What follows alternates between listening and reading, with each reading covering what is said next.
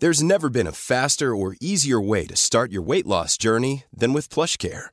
PlushCare accepts most insurance plans and gives you online access to board-certified physicians who can prescribe FDA-approved weight loss medications like Wigovi and Zepbound for those who qualify. Take charge of your health and speak with a board-certified physician about a weight loss plan that's right for you. Get started today at plushcare.com slash weight loss. That's plushcare.com slash weight loss. plushcare.com slash weight loss. Many of us have those stubborn pounds that seem impossible to lose, no matter how good we eat or how hard we work out. My solution is PlushCare. PlushCare is a leading telehealth provider with doctors who are there for you day and night to partner with you in your weight loss journey. They can prescribe FDA-approved weight loss medications like Wagovi and Zepbound for those who qualify. Plus, they accept most insurance plans. To get started, visit plushcare.com slash weight loss. That's plushcare.com slash weight loss.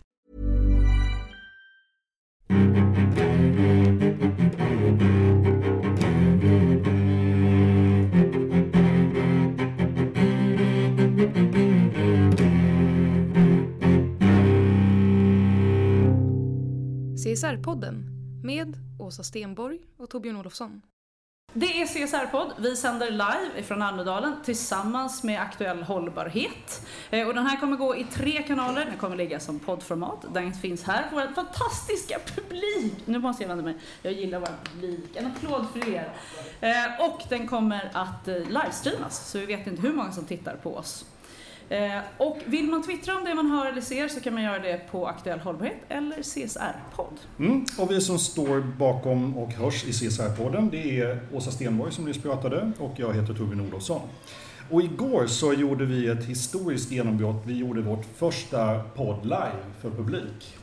Eh, och idag så gör vi en ny historisk sak. Vi har två gäster, det har aldrig hänt förut. Vi har alltid bara en gäst. Jag tycker vi ska ge en applåd för våra gäster. Ja, det är fantastiskt. Applåd för dem. För att de är två också. Vi skulle fått en person på besök från Fryshuset, men vi fick faktiskt två. Och det är Anja Frey som är chef för Fryshuset i Stockholm. Och det är Fatima Åsad som är verksamhetsledare och finansieringsansvarig på Fryshuset och ansvarig för Upcoming Street Smart Global University. Fick jag det rätt? Eller? Ja, eh, Nästan. Up and coming. Up and coming räcker Okej. Välkomna. Tack.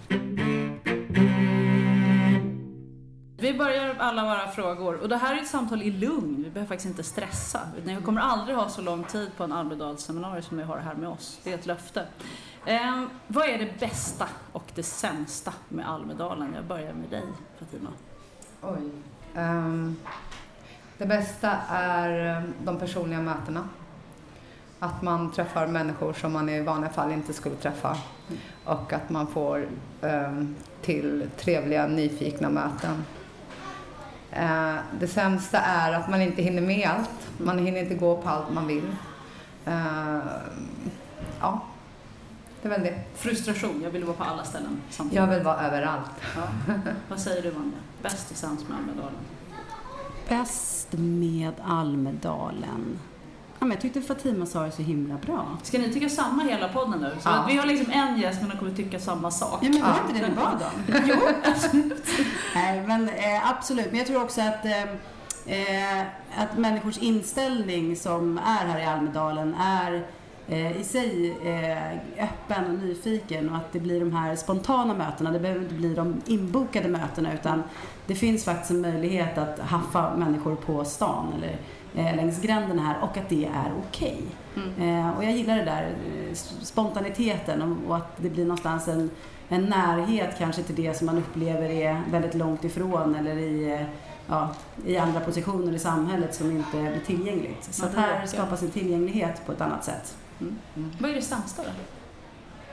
Finns Jag det någon baksida på myntet av det här? Eh, ja, eh, det är ju att eh, vi pratar om frågor som är relevanta för unga utan att se unga eh, i våra paneler, förutom då Fryshuset och Tilia och eh, andra organisationer som eh, faktiskt värnar just om att lyfta ungas röster och också inkludera dem i, i panelerna. Och det skulle jag vilja se mycket mer utav. För jag tror också att det är då som, som vi får de rätta svaren eh, för att kunna jobba mot de utmaningar som, som vi ser i samhället. Så att det är egentligen inte det sämsta utan det är bara en möjlig utmaning och en utveckling som jag tror är en möjlighet för många fler att tänka så. Mm. Fatima, jag tänkte börja fråga. Du arbetar med något som heter Street Smart kompetens. Mm. Vad är det för någonting? Du återkommer ofta till det. Ja, det är kan man säga kom, kunskap erövrad i handling. Eh, man har inte gått den traditionella vägen eh, utan det är kompetens som man har tillförskanskat sig genom erfarenheter. Många som har den kompetensen um, skulle jag vilja säga är entreprenörer, driftiga personer uh, som uh, lär sig på ett helt annat sätt. Så att street smart kompetens är en informell kompetens kan man säga. Okej, okay, så det innebär att man blir mer street smart ju äldre man blir då? Eller? Eh, nej, utan jag tror så här att street smart... Dalar det efter ett tag? Mm, nej, det gör det inte. Utan street smart kompetens är en kompetens som man kanske har fått med sig i ett ganska tidigt stadie. Eh, vi ser den här kompetensen bland många barn och unga vi möter. Barn och unga som kanske har varit utsatta för, för ja, en social utsatthet eller svårigheter har lärt sig olika sätt att möta problem och utmaningar. Man, man tänker utanför boxen, man löser sin situation och bär med sig det här i väldigt tidig ålder. Jag tror inte att vem som helst blir streetsmart. Jag tror att streetsmart kompetens har ingenting med etnicitet och så vidare att göra utan det handlar om eh, de utmaningar man haft i livet Eh, redan som barnsben och så har man lärt sig att lösa problemen. Eh, och sen har man lärt sig att ta för sig och sen har man lärt sig att inte ge upp och så vidare. Så det här, eh, den här kompetensen finns överallt i vårt samhälle men det är en kompetens man inte pratar så mycket om. Så att du, du hittar framgångsrika VDR på olika företag som har den här kompetensen. Eh, du hittar människor i, unga människor i förorterna som har den här kompetensen. Men det står inte på deras CV? Det, står in, det syns inte. Den här kompetensen syns inte. Men vi, vi nuddar den genom att prata om eh, driftiga entreprenörer och så vidare. och så vidare. Vi, vi, vi touchar den. Men den kommer inte fram i rekryteringsprocesser. Eh, och den kommer inte, den syns inte på ett CV. Så. Någonstans från utsatthet. Fryshuset syftar att jobba med unga och det gör ni med massa, på en massa, massa olika sätt. Eh, skolor och kulturverksamhet, Lugna gatan, Elektra och en förskräcklig massa mer. Och ni har inte verksamhet bara i Stockholm utan ni finns i Skärholmen, Husby, Göteborg, Malmö, Kalmar, Danmark och sen kommer du säkert säga åh så missar du de här orterna också. Och ni har ett nätverk i hela Sverige.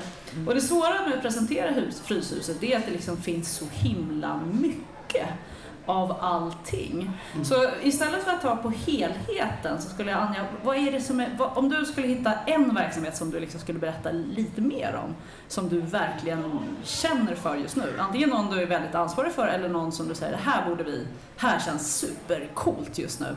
Vilken i den där lådan av saker skulle du välja? Backa systerskapet. Berätta, vad är det? Först, innan jag berättar, mm. så... Får bara, du rätta mig? Ja, så brukar nej, jag ska inte rätta ett dugg. Utan jag tänker att genomsyrat av precis allt det du beskrev så himla bra, så är det ju att vi försöker i alla de olika verksamhetsområdena skapa förutsättningar för unga människor att hitta den där inneboende kraften som vi är övertygade om finns där. Mm. Men det är inte alltid så himla lätt beroende på eh, vilka omständigheter och sammanhang som unga befinner sig i och har vuxit upp eh, inom. Så det är genomgående, att vi försöker skapa förutsättningar för unga att genom sina passioner, och de kan vara lärande, skate, eh, att eh, förändra världen, eh, vad det nu än må vara för någonting. Och genom det så är det deras uppdrag sen att förändra världen och göra den till en bättre plats. För oss alla. Ja. Så att det är genomgående. Fundamentet. Ja, men lite ja, så. Jag vill, jag vill höra om Backa. Jag blev så nyfiken. Ja, vi ska få höra om Backa. Eh, Backa systerskapet är Eh, egentligen inte en verksamhet utan det är mer eh, av en eh, rörelse som syftar till att stärka, peppa, engagera unga tjejer och de som identifierar sig som tjejer till att ta plats, att våga. Och när man som ung tjej inte kanske riktigt tror på sig själv så ska det finnas ett systerskap som gör det. Så att man vågar ta det där steget, vågar utmana sig själv och också känna att man kan falla mjukt, man kan bli upplyft och man blir backad. Och hur engagerar sig, om, om jag nu blev, tyckte det här var en fantastisk, det, var, det är en fantastisk idé, kan jag engagera mig? Absolut. Och hur då? Eh, vi tror ju också att det finns en, eh, att vi vill se det lite som en vardagsfilosofi, att backa. Mm. Eh, och det kan du göra bara som den människa du är eh, i din vardag, i kanske de sociala sammanhangen som du eh, verkar i, kanske om du eh, spelar basket i ditt Mm. basketlag, Mm. vad det nu än må vara för någonting. Och då handlar det om att stå upp för dig själv och stå upp för andra. Eh, det handlar om civilkurage eh, och en mängd olika delar i det. Men för att specifikt kunna engagera sig så utbildar vi eh, tjejer som vill vara en del till backare. Och syftet med det är, nu har vi utbildat 15 stycken i Stockholm och 15 stycken i Göteborg och, och vi är liksom i, i rörelse. Och syftet där, det är att det är de som ska ta den här rörelsen vidare. Det är de unga som ska beskriva utifrån vad de drömmer om, utifrån vad de har för passioner, vad de vill göra för att skapa förutsättningar för sig själva och sina medsystrar. Och det kan vara allt från en eh, festival till en eh, spoken word eh, open mic till en 3 mot 3 turnering. Alltså, det vet vi inte. Vi vet inte vart det En, kommer en ta mer intressant fråga är, kan jag engagera mig? Nej, du får inte engagera Nej, jag får dig. inte du- vara Jo, du kan backa. Du kan både backa, Mm. men du kan också backa genom att lyfta, Backa. stötta och peppa och skapa förutsättningar. För vi behöver alla backa, men vi har ett särskilt fokus på just att lyfta och stärka tjejer. Klokt, roligt, höra. Jag gillar passion och glädje. Jag tror jag backar faktiskt. Eh, du, Hur ser en vanlig arbetsdag ut för dig? Vad gör du liksom på en vanlig arbetsdag? Finns det en vanlig arbetsdag? Och Nej. ungefär vad gör du? Ehm, ungefär vad gör jag? Eh, nej, det finns ovanliga eh, dagar. Eller varje dag är nästan ovanlig, höll jag på att säga. Därför att den innehåller sån enorm mångfald av möten, sammanhang, samtal, människor, eh, möjligheter. Så det är nästan svårt att beskriva. Eh, Men om jag fantiserar så här, jag vill ha en sån här tidskurva, så här, gå upp på morgonen, kommer du jobbar går- oftast på Fryshuset i Stockholm? Ja, Ja, du är oftast där du är, Ja. liksom rent fysiskt. Ja. Och sen har du något rum eller bord. Men vi har ju det här flexibla arbetsplatser. Eh, så att jag sitter lite överallt. Antingen så sitter jag kanske faktiskt där vi har en massa kontorsplatser. Eh, så kanske jag ibland sätter mig i något rum beroende på om jag måste ringa något samtal och främst då för att inte störa andra. Eh, eller så sitter jag nere i vårt fik. Eller så går jag ner till skaten för jag behöver lyssna in deras eh, spännande berättelser till exempel. Och då har jag ett eh, samtal med dem eller ett möte där. Eller så har vi eh, Stockholm ledningsgrupp och då sitter vi gemensamt i ett rum och så rör vi oss här. Och du är, för du är ledare eller chef över väldigt många på Fryshuset. Ja, men Fryshuset Stockholm är vi ungefär 400-ish anställda. Mm. Eh, Och du är ish chef till alla dem. Ja, men jag är ju precis övergripande ansvarig för Mm. Fryshuset i Stockholm. Mm. Men sen har vi fyra stycken verksamhetsområden som sträcker sig från skola, utbildning och lärande och det går ända från grundskola till yrkeshögskola och däremellan ett gymnasium och folkhögskola.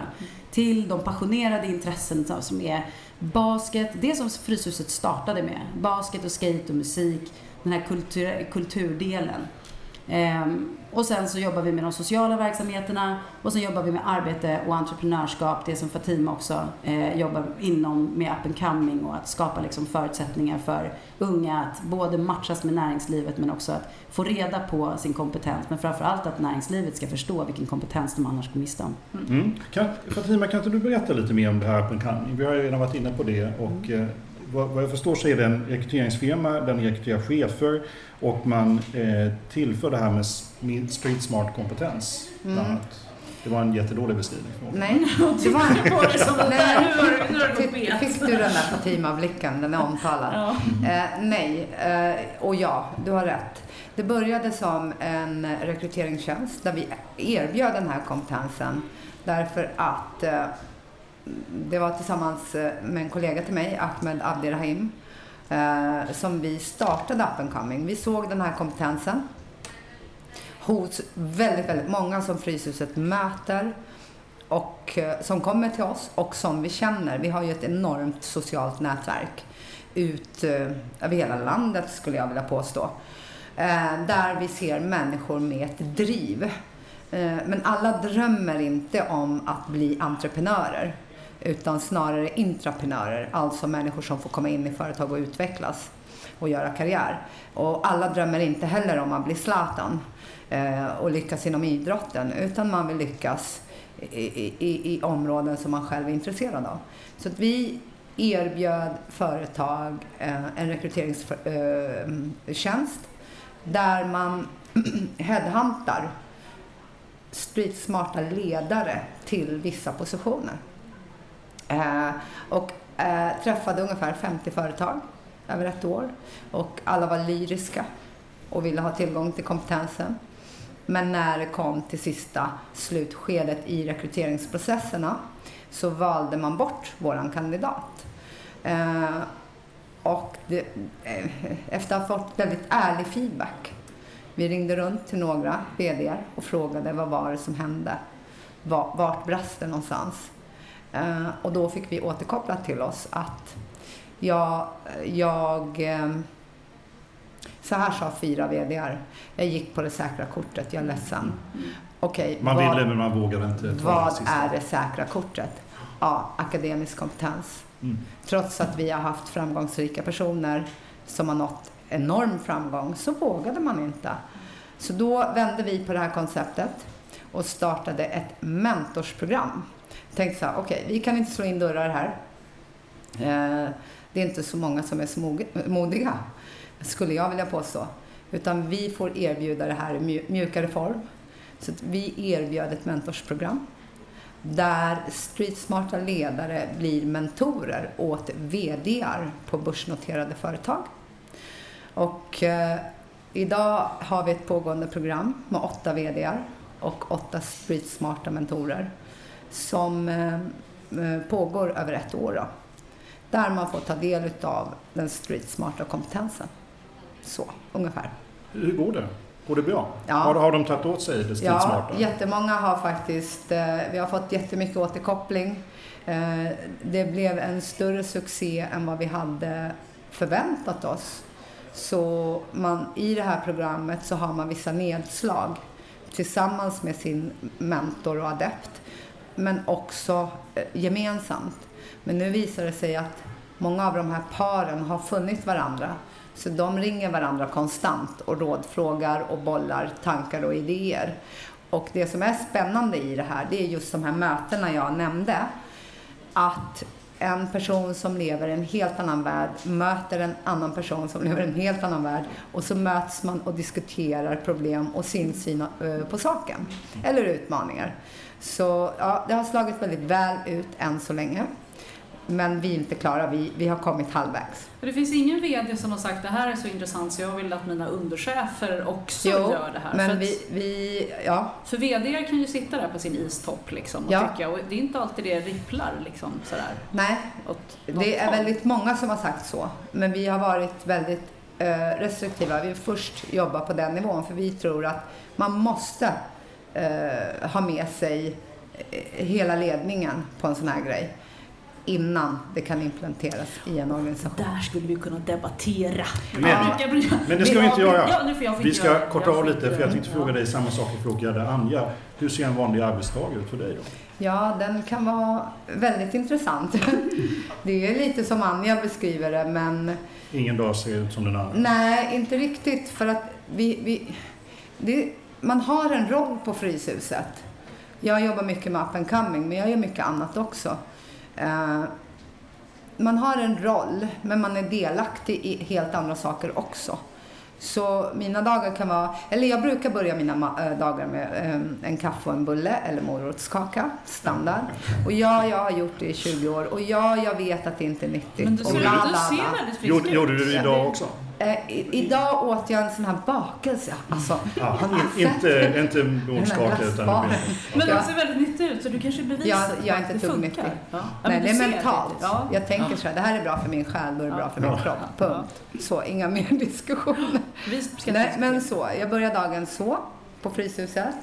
Um, och sen brukar det vara kolla av mejlen snabbt som attan och sen är det oftast antingen möten med något företag eller en streetsmart eh, potentiell ledare och mentor. Eh, samtal med kollegor. Samt, ja, men man sitter i mycket möten och man jagar efter mycket samarbeten, skulle jag vilja säga. Att, att jag idag jagar mycket samarbeten. Det här är första gången under alla mina år på Fryshuset som jag jobbar som jag inte jobbar med barn och unga i utsatthet. Jag, jag jobbar på en annan nivå just nu. Så det känns konstigt men också spännande. Innan, jag måste bara så här, jag fick lite hjärnsläpp där om en dag. Bara så här, en, Du vill komplettera din jag vill arbetsdag? Jag vill komplettera bara liksom att det är, spännande, det är en spännande plats att, att eh, jobba på. Mm. Därför att det är en sak liksom vara inom rollen och inom ramen för ens arbete. Men som nu eh, förra veckan till exempel. Så, eh, ja men eh, kaffe på morgonen och eh, jag startar igång dagen och dadadam, har något möte och så. Och sen så får jag ett, eh, ett mail. Och så står det så här, hej eh, jag heter lalala. Eh, har du, eh, Silvana Imam repade repar i klubben idag. Har du eh, koden till wifi? Alltså Silvana Imam är typ det coolaste som jag kan tänka mig. Och då tänkte jag bara, nej men det här är ju Det är för bra för att missa. ja, exakt. Eh, så då eh, gick jag ner till klubben och frågade tillsammans med Anneli, en kollega, om jag fick komma in och ge henne en present. Och då gav jag henne en Backa systerskapet-tröja Mm. och frågade om hon var med och backade. Senare på, vilket hon var. Senare på eftermiddagen så hade vi ett bokat möte med eh, Carolina Klüft. Eh, och pratar om hur vi ska tillgängliggöra eh, idrott och kultur för att främja barn och ungas hälsa i eh, våra utsatta områden. Och det var liksom så här, ja, det var den eftermiddagen. Det var en Och, vanlig dag. ja, och så nästa dag så är det något nytt spännande som händer. Eh, rubriken- Ännu en bra dag. Ja, Det låter, som, det låter som en spännande dag. verkligen. Ja.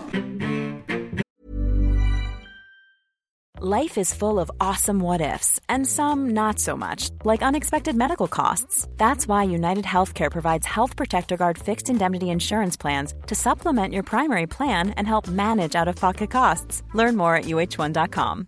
This is Paige, the co-host of Giggly Squad, and I want to tell you about a company that I've been loving, Olive and June. Olive and June gives you everything that you need for a salon quality manicure in one box. And if you break it down, it really comes out to $2 a manicure, which is absolutely insane. It's also so easy to get salon worthy nails at home with Olive and June. The difference between how your nails used to look when you did them yourself and now with the Manny system is a complete game changer. The best thing about Olive and June too is it's a quick dry. Dries in about one minute, lasts for five days, and full coverage in up to one to two coats. Visit oliveandjune.com slash perfectmanny20 for 20% off your first system. That's oliveandjune.com slash perfectmanny20 for 20% off your first system. Everyone knows therapy is great for solving problems, but getting therapy has its own problems too, like finding the right therapist, fitting into their schedule, and of course, the cost. Well, BetterHelp can solve those problems. It's totally online and built around your schedule. It's surprisingly affordable too. Connect with a credentialed therapist by phone, video, or online chat, all from the comfort of your home. Visit betterhelp.com to learn more and save 10% on your first month. That's BetterHelp, H E L P.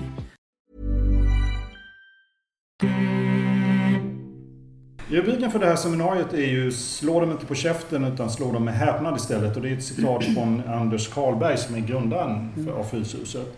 Och Fryshuset var ju under sina första år väldigt mycket likhetstecken med Anders Karlberg. Hur, hur lever arvet efter honom idag? Mm.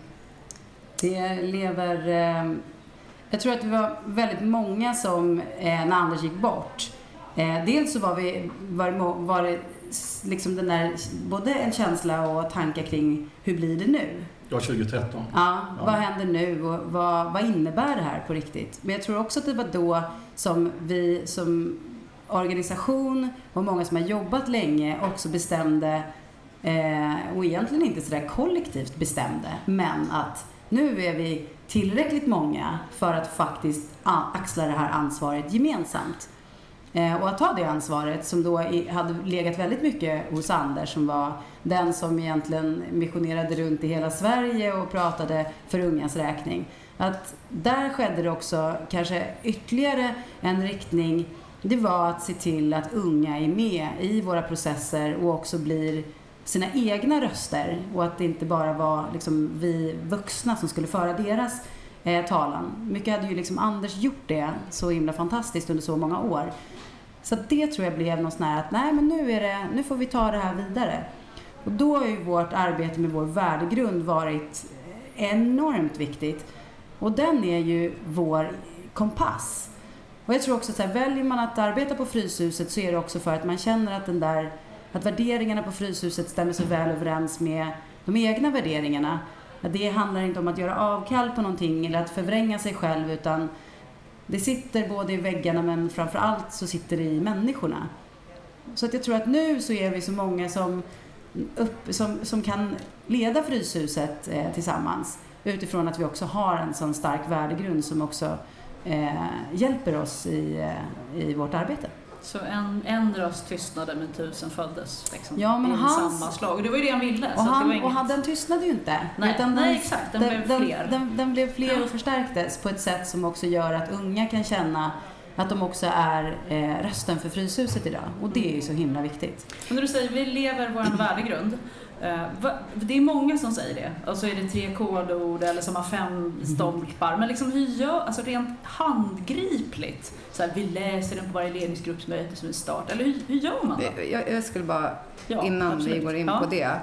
Eh, slår de inte på käften, slår de med häpnad. Det är en revanschanda i det, i, det, i, den, i de meningarna.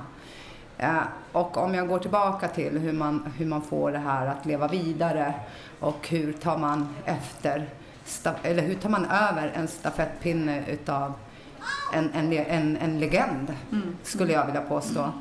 Och att han är en legend är ju så här. Anders mötte människor precis där de var och där de stod i livet. Uh, och det var hans styrka. Och han trodde på människor och gav människor en chans. Så det finns människor i alla samhällsskikt, skulle jag vilja påstå, överallt, som har korsat Anders.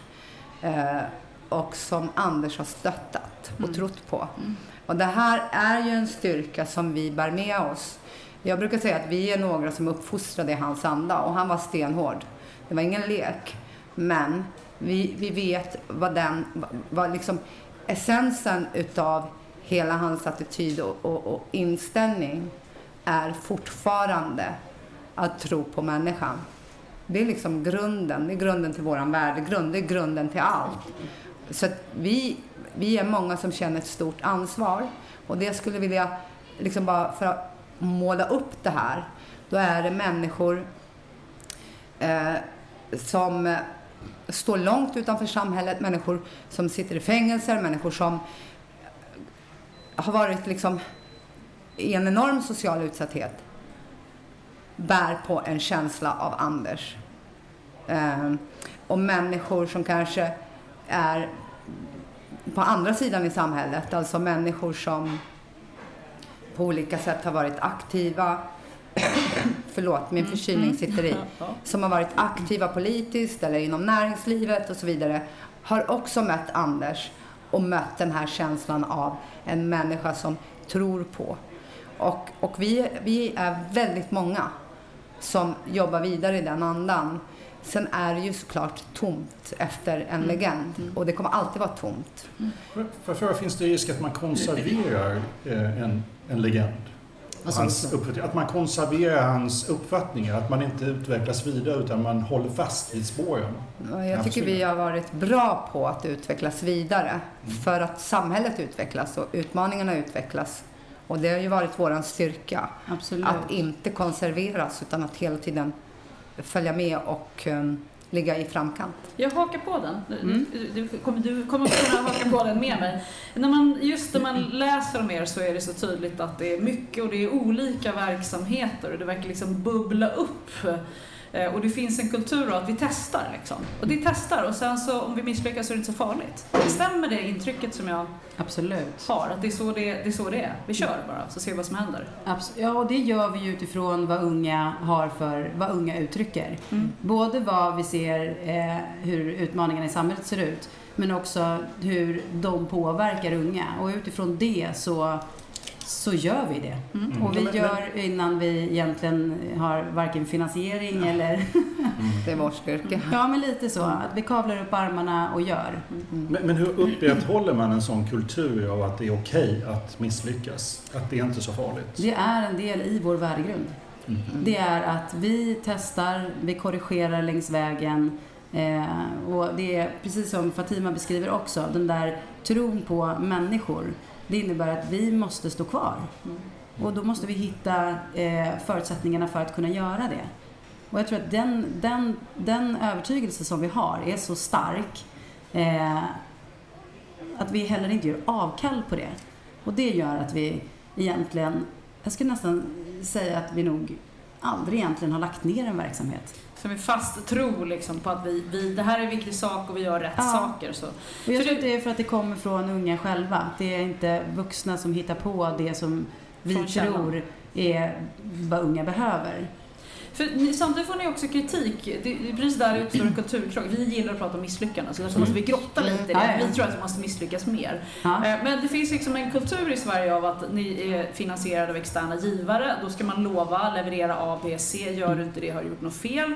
Och när det blir fel, Expressen lyfter rubriker om Lugna Gatan har ställts som är kriminell. Det är ju utifrån kulturen gör allting rätt. Det får aldrig bli fel. Hur klarar man den kulturkrocken? För det har ju blåst hårt om Fryshuset ibland också. Absolut. Och hur, hur fixar man det? Liksom, Egentligen hela samma- finansieringsspåret och anseendespåret. Ja, men vi gör ju ett enormt arbete när det blåser. Men vi, det är alla våra, både givare, finansiärer, våra partners, vet ju vilken verksamhet det är de väljer att vara en del utav. Det är ju vår metod, att jobba i de tuffaste, mest utsatta områdena med samhällsutmaningar som eh, är så pass Ja, men de kan nästan liksom så här, slita, eh, ja, du, du, du kan skapa en enorm polarisering kring många av de frågorna. Men eh, det är ju ingenting som kommer som en överraskning för de som jobbar utan man väljer ju att jobba med Fryshuset för att vi också står för att stå kvar när det blåser riktigt hårt. Och det är det som de unga och de som vi eh, jobbar med vet om. Och det skapar också en trovärdighet som organisation. Både gentemot de unga men också gentemot uppdragsgivare. Mm. Hur, hur fel får det bli? Finns det ett läge där, man, där det har blivit så fel som man säger, det är inte lärande längre, nu, är det bara, nu har det gått fel bara? Du sa innan att ni har egentligen inte lagt ner någon verksamhet. Nej, alltså det, det kan ju bli fel såklart vad det gäller att människor begår alltså, handlingar som inte är i linje med vår värdegrund.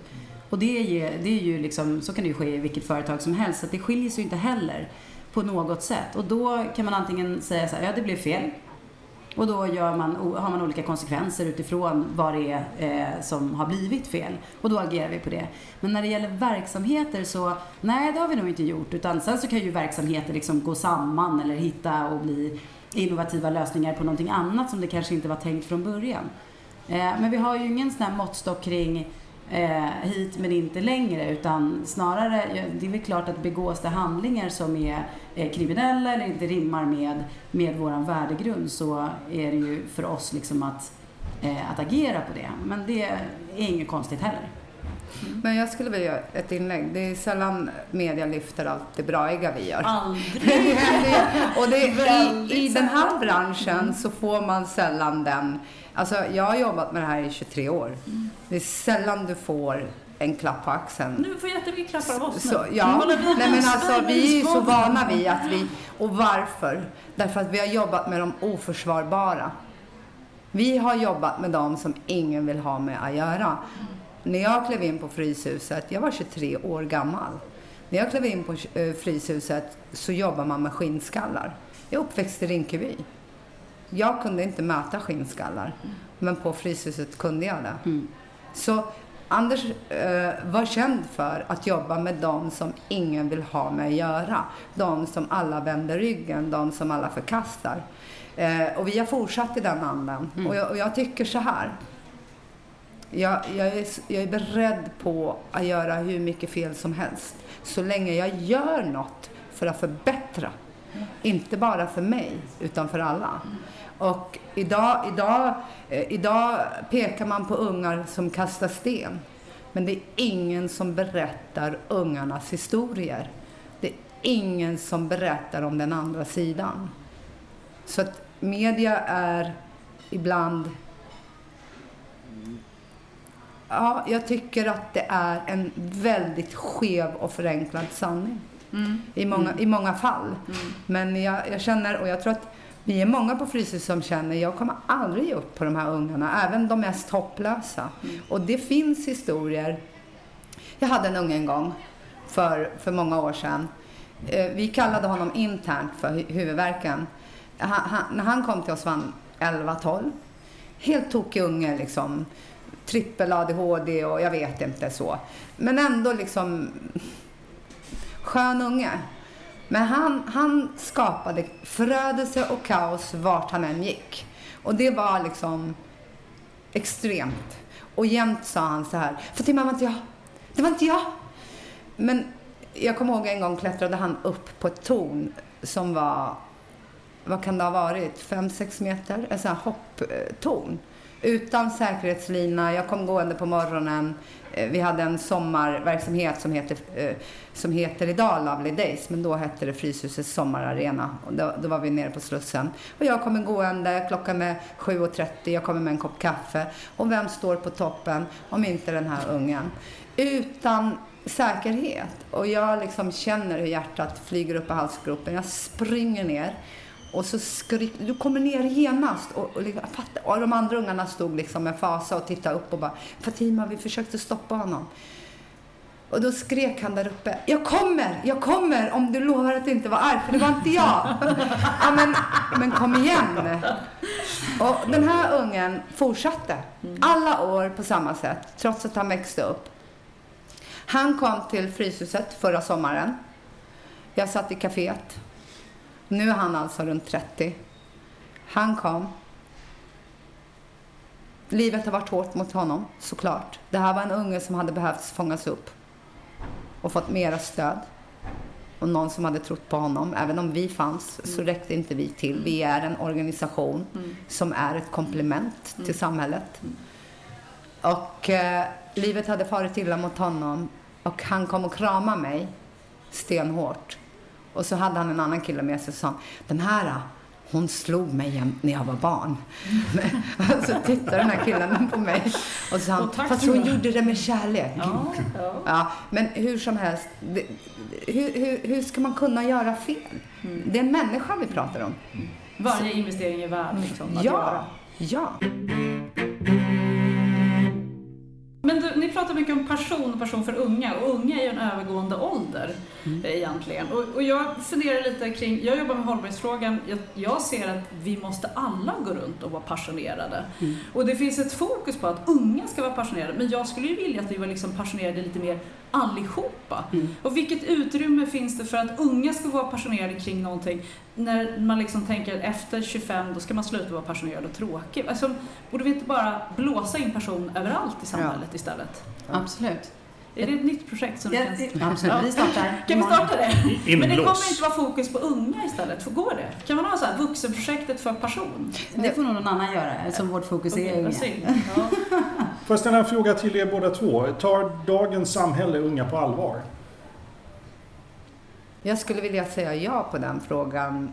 Ganska mycket ja. Sen så tror jag att vi alltid kan bli bättre. Men jag tycker, eller i min värld där jag har befunnit mig, så tycker jag att vi har haft en förmåga, speciellt inom Fryshuset, att lyssna på unga. Och sen har Fryshuset haft en förmåga att förmedla mycket. Idag tycker jag ändå att uh, unga om samhället, samhället tvingas att lyssna på unga, för unga eh, engagerar sig mer på ett annat sätt, speciellt inom den digitala världen. Man skapar grupper, man skapar eh, aktioner, man, man skapar spontana rörelser. Är det en förändring som har Ja, jag kommit med den tycker det, digitala som världen? inte fanns eh, för x antal år sedan. Ja. Ja. Ja, jag, kan, jag kan tänka lite också att, att både ja och nej på ett sätt. Eh, och det är väl egentligen att det är något sånt där nu pratar vi unga generellt, men om vi tittar också på den målgruppen av unga som växer upp i, i, eh, i eh, socioekonomisk utsatthet eller i, i, i sammanhang där de inte har samma förutsättningar. då kan jag känna att det är något väntläge. Alltså det ligger något väntläge och vi undrar lite vad är, vi väntar inte utan vi behöver fler aktörer för eh, samverkan för att kunna skapa förutsättningar för, för de unga som idag växer upp och inte har samma livsvillkor.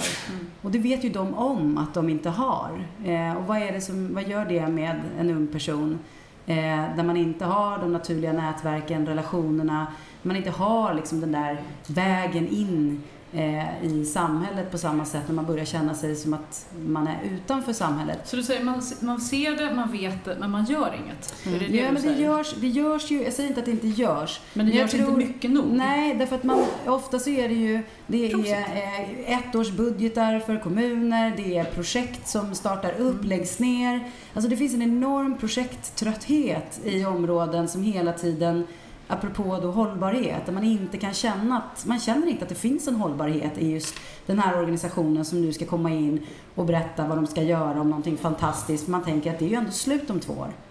Och då försvinner det. Och det är ju det där som är så viktigt för oss, apropå att vi inte lägger ner verksamhet. Att, att, att stå kvar, att finnas där fastän projekttiden är slut eller finansieringen är över eller vad det nu än må vara för någonting.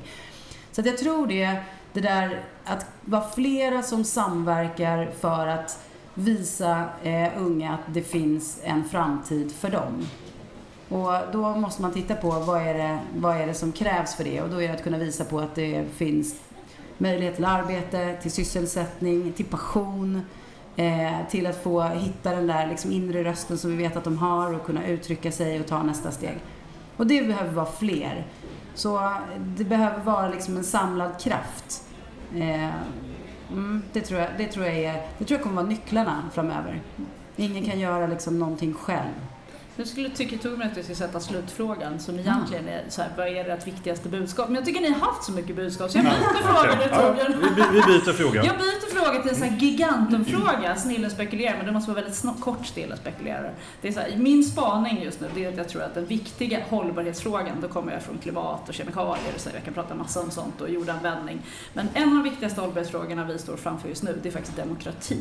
Mm. Det är delaktighet i politiska systemet. Mm. Och jag säger att vi vi måste faktiskt nu erkänna att vårt politiska system håller på att inte fungera. Vi har inte engagerade människor i de politiska partierna längre. Det är inte superspännande att lyssna på de där talen i Almedalen för de är liksom manuskriptlagda på ett sätt som gör att jag somnar. Alltså jag, jag som är samhällsintresserad somnar. Varför är det så? Och jag säger, vi måste ha, precis som man har insett att de ekonomiska systemen funkar inte längre, så måste vi säga att demokrati i den här formen fungerar. Vi behöver något nytt. Har ni någon idé på det? Visst är det en enkel slutfråga? Har ni någon idé på den nya demokrat? Vad ska vi göra? Hur ska vi göra det här? Och ändå få det som alla kan vara med och leka, för det är det systemet måste erbjuda. Och vi har förtroende för de här som är våra valda. Mm. Enkel liten tuggfråga. Vad säger ni? Starta ett nytt parti. Ett helt nytt parti. Men är det, blir inte det samma sak då? Same of the old ones? Det beror på om du tänker starta dig och ställa dig i follan tillsammans.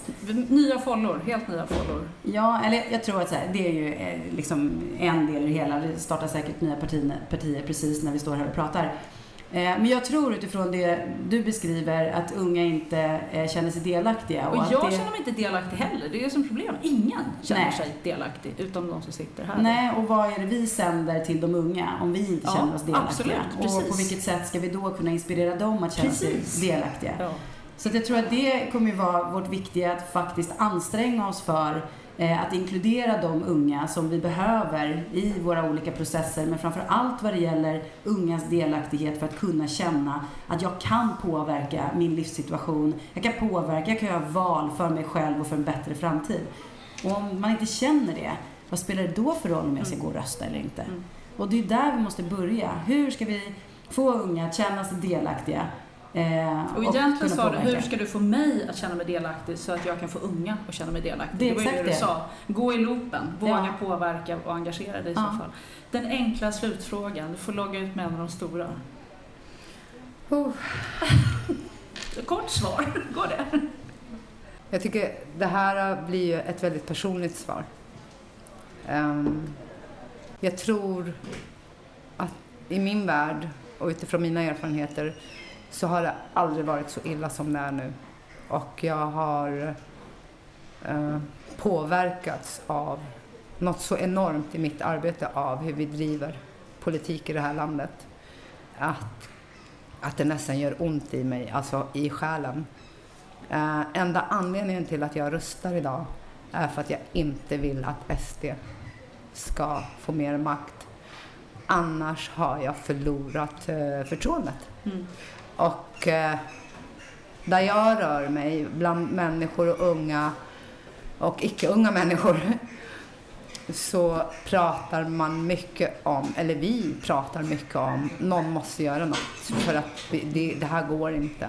Så det är en uh, stress Mm. över det som pågår politiskt idag.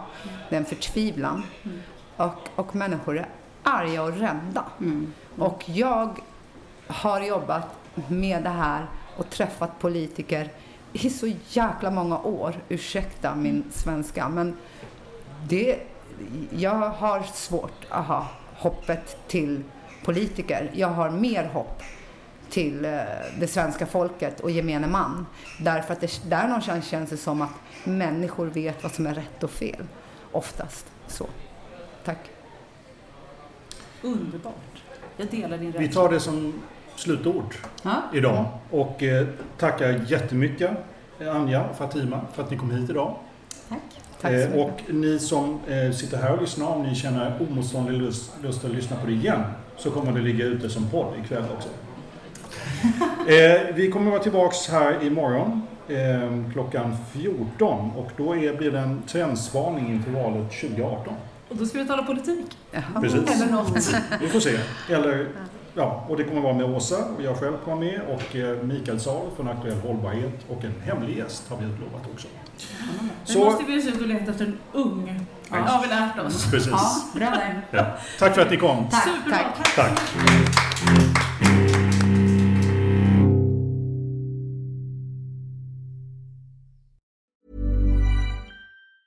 Hey, it's Danny Pellegrino from Everything Iconic.